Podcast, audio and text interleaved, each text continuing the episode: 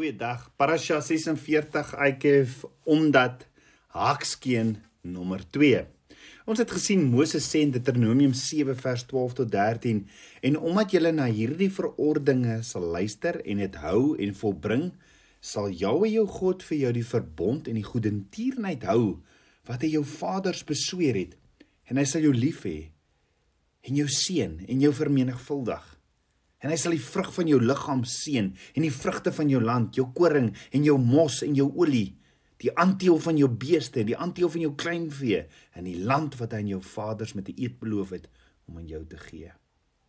Hoor gou weer, Moses sê, omdat julle na hierdie verordeninge sal luister en dit hou en volbring. Met ander woorde, omdat akef, omdat julle sal julle. Omdat julle sal julle Nou die woordjie verordening in Hebreëus is die mishpatin wat ook baie keer vertaal word as reëls, regulasie of wette. Van hierdie swak alternatiewe vertalings is die term verordeninge die naaste aan die kern van die ware Hebreëse woord omdat ten minste 'n persoonlike besluitnemingsproses impliseer van iemand wat geen belang het in die uitkoms en doel nie. Jy sien reëls, regulasies of wette impliseer 'n onpersoonlike wetgewende proses wat nie op verhoudinge gebaseer is nie, maar slegs op die ongekompliseerdheid van dit wat die agenda van die regering bevorder. In die Hebreëus verwys die woord mishpatin na die manier waarop Abba Vader na dinge kyk wat betrekking het op gewone aspekte van die menslike lewe. Dit wil sê hoe hy sekere situasies sou hanteer hoe hy sekere situasies sou hanteer wil hê vir die bruid van Yeshua tot voordeel vir die bruid van Yeshua. Maar daar's iets te verwagte van Abba Vader af. Hierdie beloftes van Abba Vader is altyd onderhewig aan sekere voorwaardes. Jy kan jy, jy sien Abba Vader het 'n het 'n agenda, hy het 'n groot plan vir die verlossing van die mensdom en vir die herstel van die skepping en hy weet nooit van sy plan hy wyk nooit van sy plan af nie. En die enigste rede waarom hy beloftes aan ons as sy kinders maak, is om ons te inspireer om op werklike en tasbare maniere in reële tyd met hom saam te werk as sy kleiner verbondsvernoot. Dis van as jy roef, sal ek sê Abba, sal ek jou groter verbondsvernoot. As jy roef, sal ek Abba jou groter verbondsvriend. Ten einde toegang te kry tot enige belofte van Abba Vader wat hy maak, moet ons sy kinders wat die beoogde begunstiges van hierdie beloftes is, 'n paar veranderinge in ons lewens aanbring. Veranderinge van prioriteit, gedragsveranderinge, verpligtinge van interaksie met ons medemens en met die skepping. Hierdie voorwaardes wat verbind is aan Abba Vader se beloftes word genoem 'n kef of as as jy voorwaardes. Dink daaroor. Daar was nog altyd as jy voorwaardes verbonde aan Abba Vader se seënings en beloftes. Dink byvoorbeeld aan Adam. Adam se as jy belofte. Adam se eerste opdrag was om in die tuin te versorg en te onderhou. Ja Genesis 2 vers 15 sê: "Toe die Here God die mens geneem en hom in die tuin van Eden gestel om dit te bewerk en te bewaak." Ook sê Genesis 3 vers 23 toe stuur Jahweh God hom weg uit die tuin van Eden om die grond te bewerk waaruit hy geneem is. Adam het tog altyd 'n deel gehad aan Abba Vader se groter plan. Dink ook aan Abraham se eerste as jy voorwaardes. Abba Vader sê vir Abraham in Genesis 1 12 eh, vers 1: "Gaan jy uit jou land en uit jou familie en uit jou vader se huis na die land wat ek jou sal wys." As Abraham gehoorsaam is, as Abraham dit doen, wat sal gebeur? Daar's nog altyd 'n belofte of 'n beloning vir gehoorsaamheid. Abraham se tweede as jy voorwaarde kry ons in Genesis 15 vers 9 waar Abba Vader vir Abraham sê: "Neem vir my 'n 3 jaar oud vers en 'n 3 jaar oud bokoei en 'n 3 jaar oud ram en 'n tortelduif en 'n jong duif."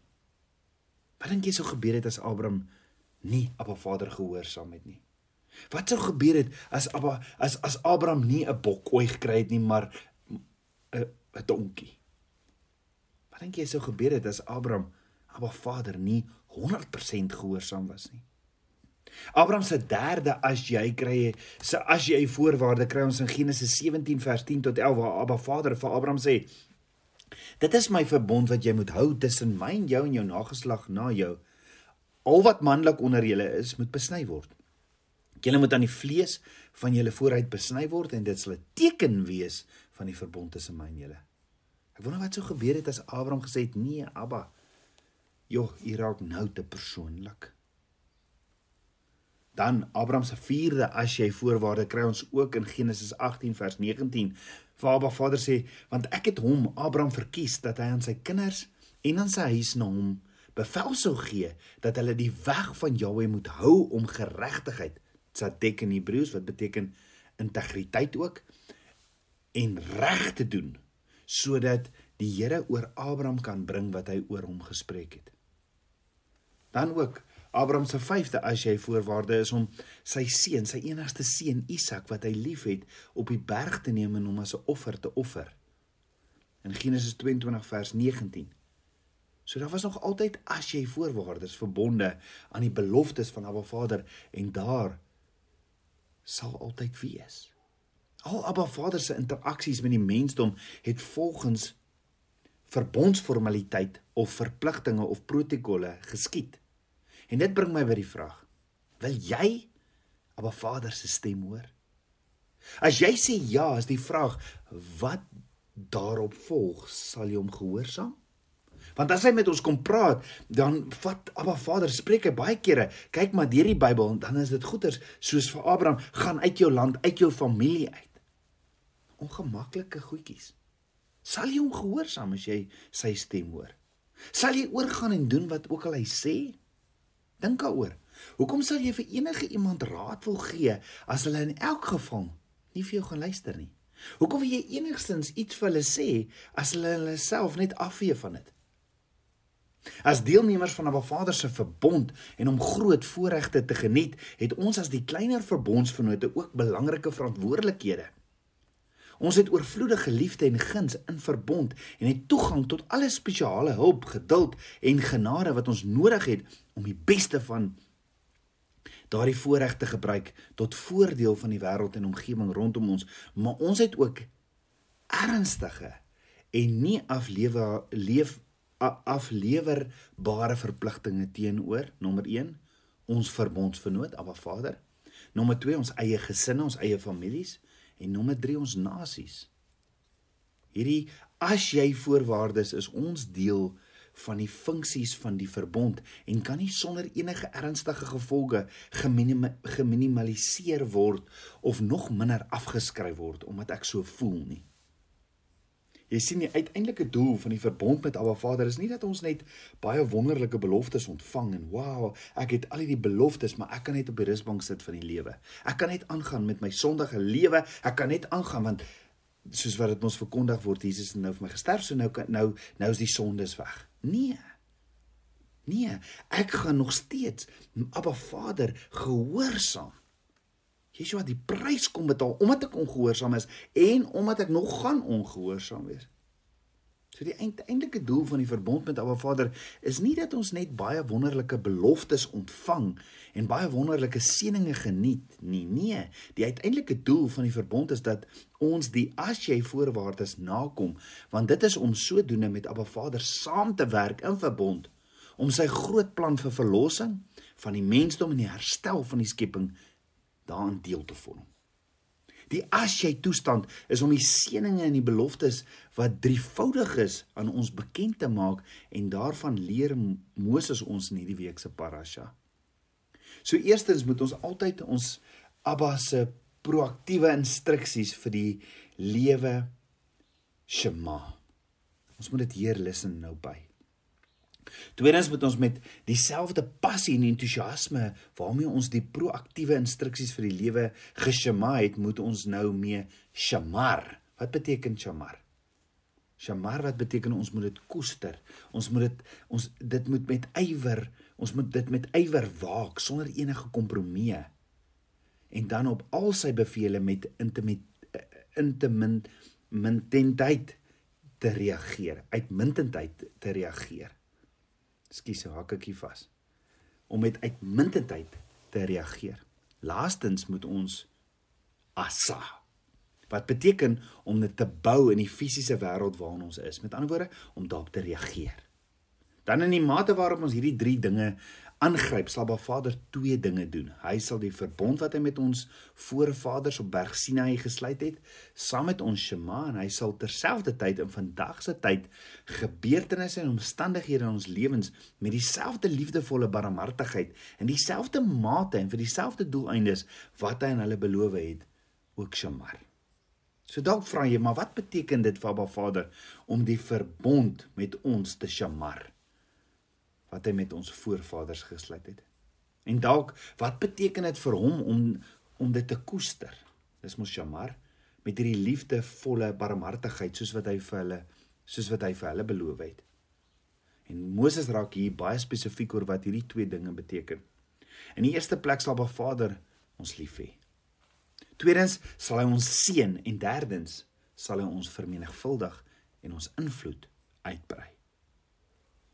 Om dit te ontvang, moet ek en jy egter ten minste bereid wees om te aanvaar dat die lewensweg wat Abba Vader vir ons in sy woord in die Torah uitlê, nie die lastige pad van werke van die vlees is soos baie mense verkondig nie. Hierdie is ook nie wetties nie.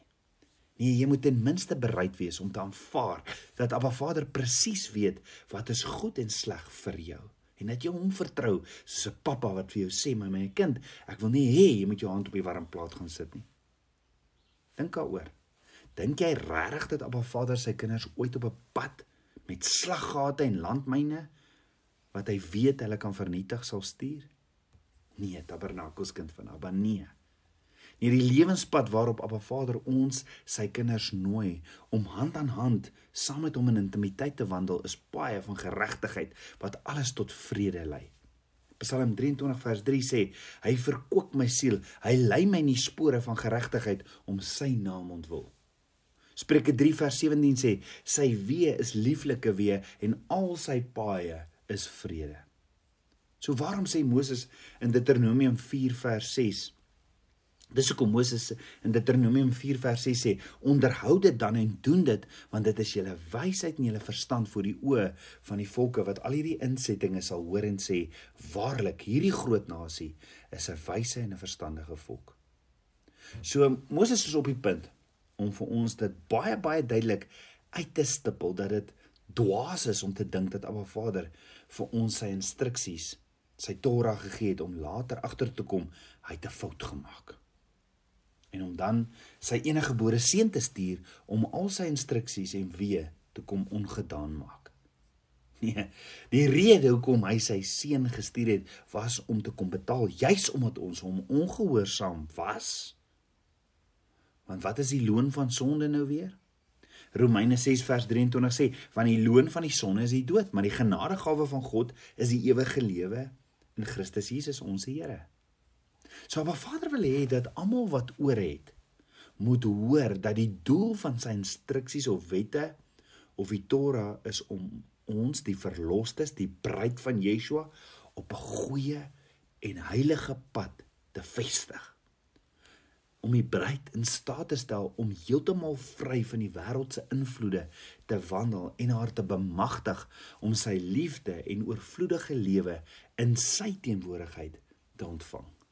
En die vraag is die vraag is tabernakels kind van Abba, is jy bereid om dit te oorweeg dat Abba Vader juis sy instruksies, sy wette, sy mispatin vir jou gee om jou te beskerm omdat hy jou liefhet?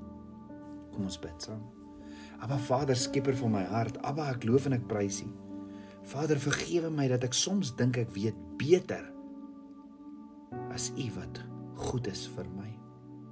Vergewe my my kompromieë wat ek so maklik sluit met hierdie wêreld.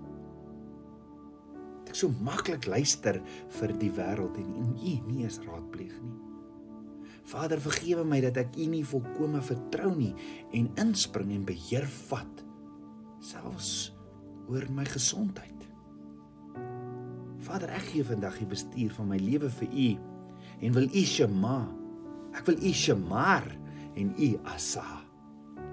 Abba kom was my met die waterbad van U woord en kom leef in my. Meer en meer van U. Bid dit alles in Yeshua Messie se naam, die seun van Jahweh. Amen. Shalom.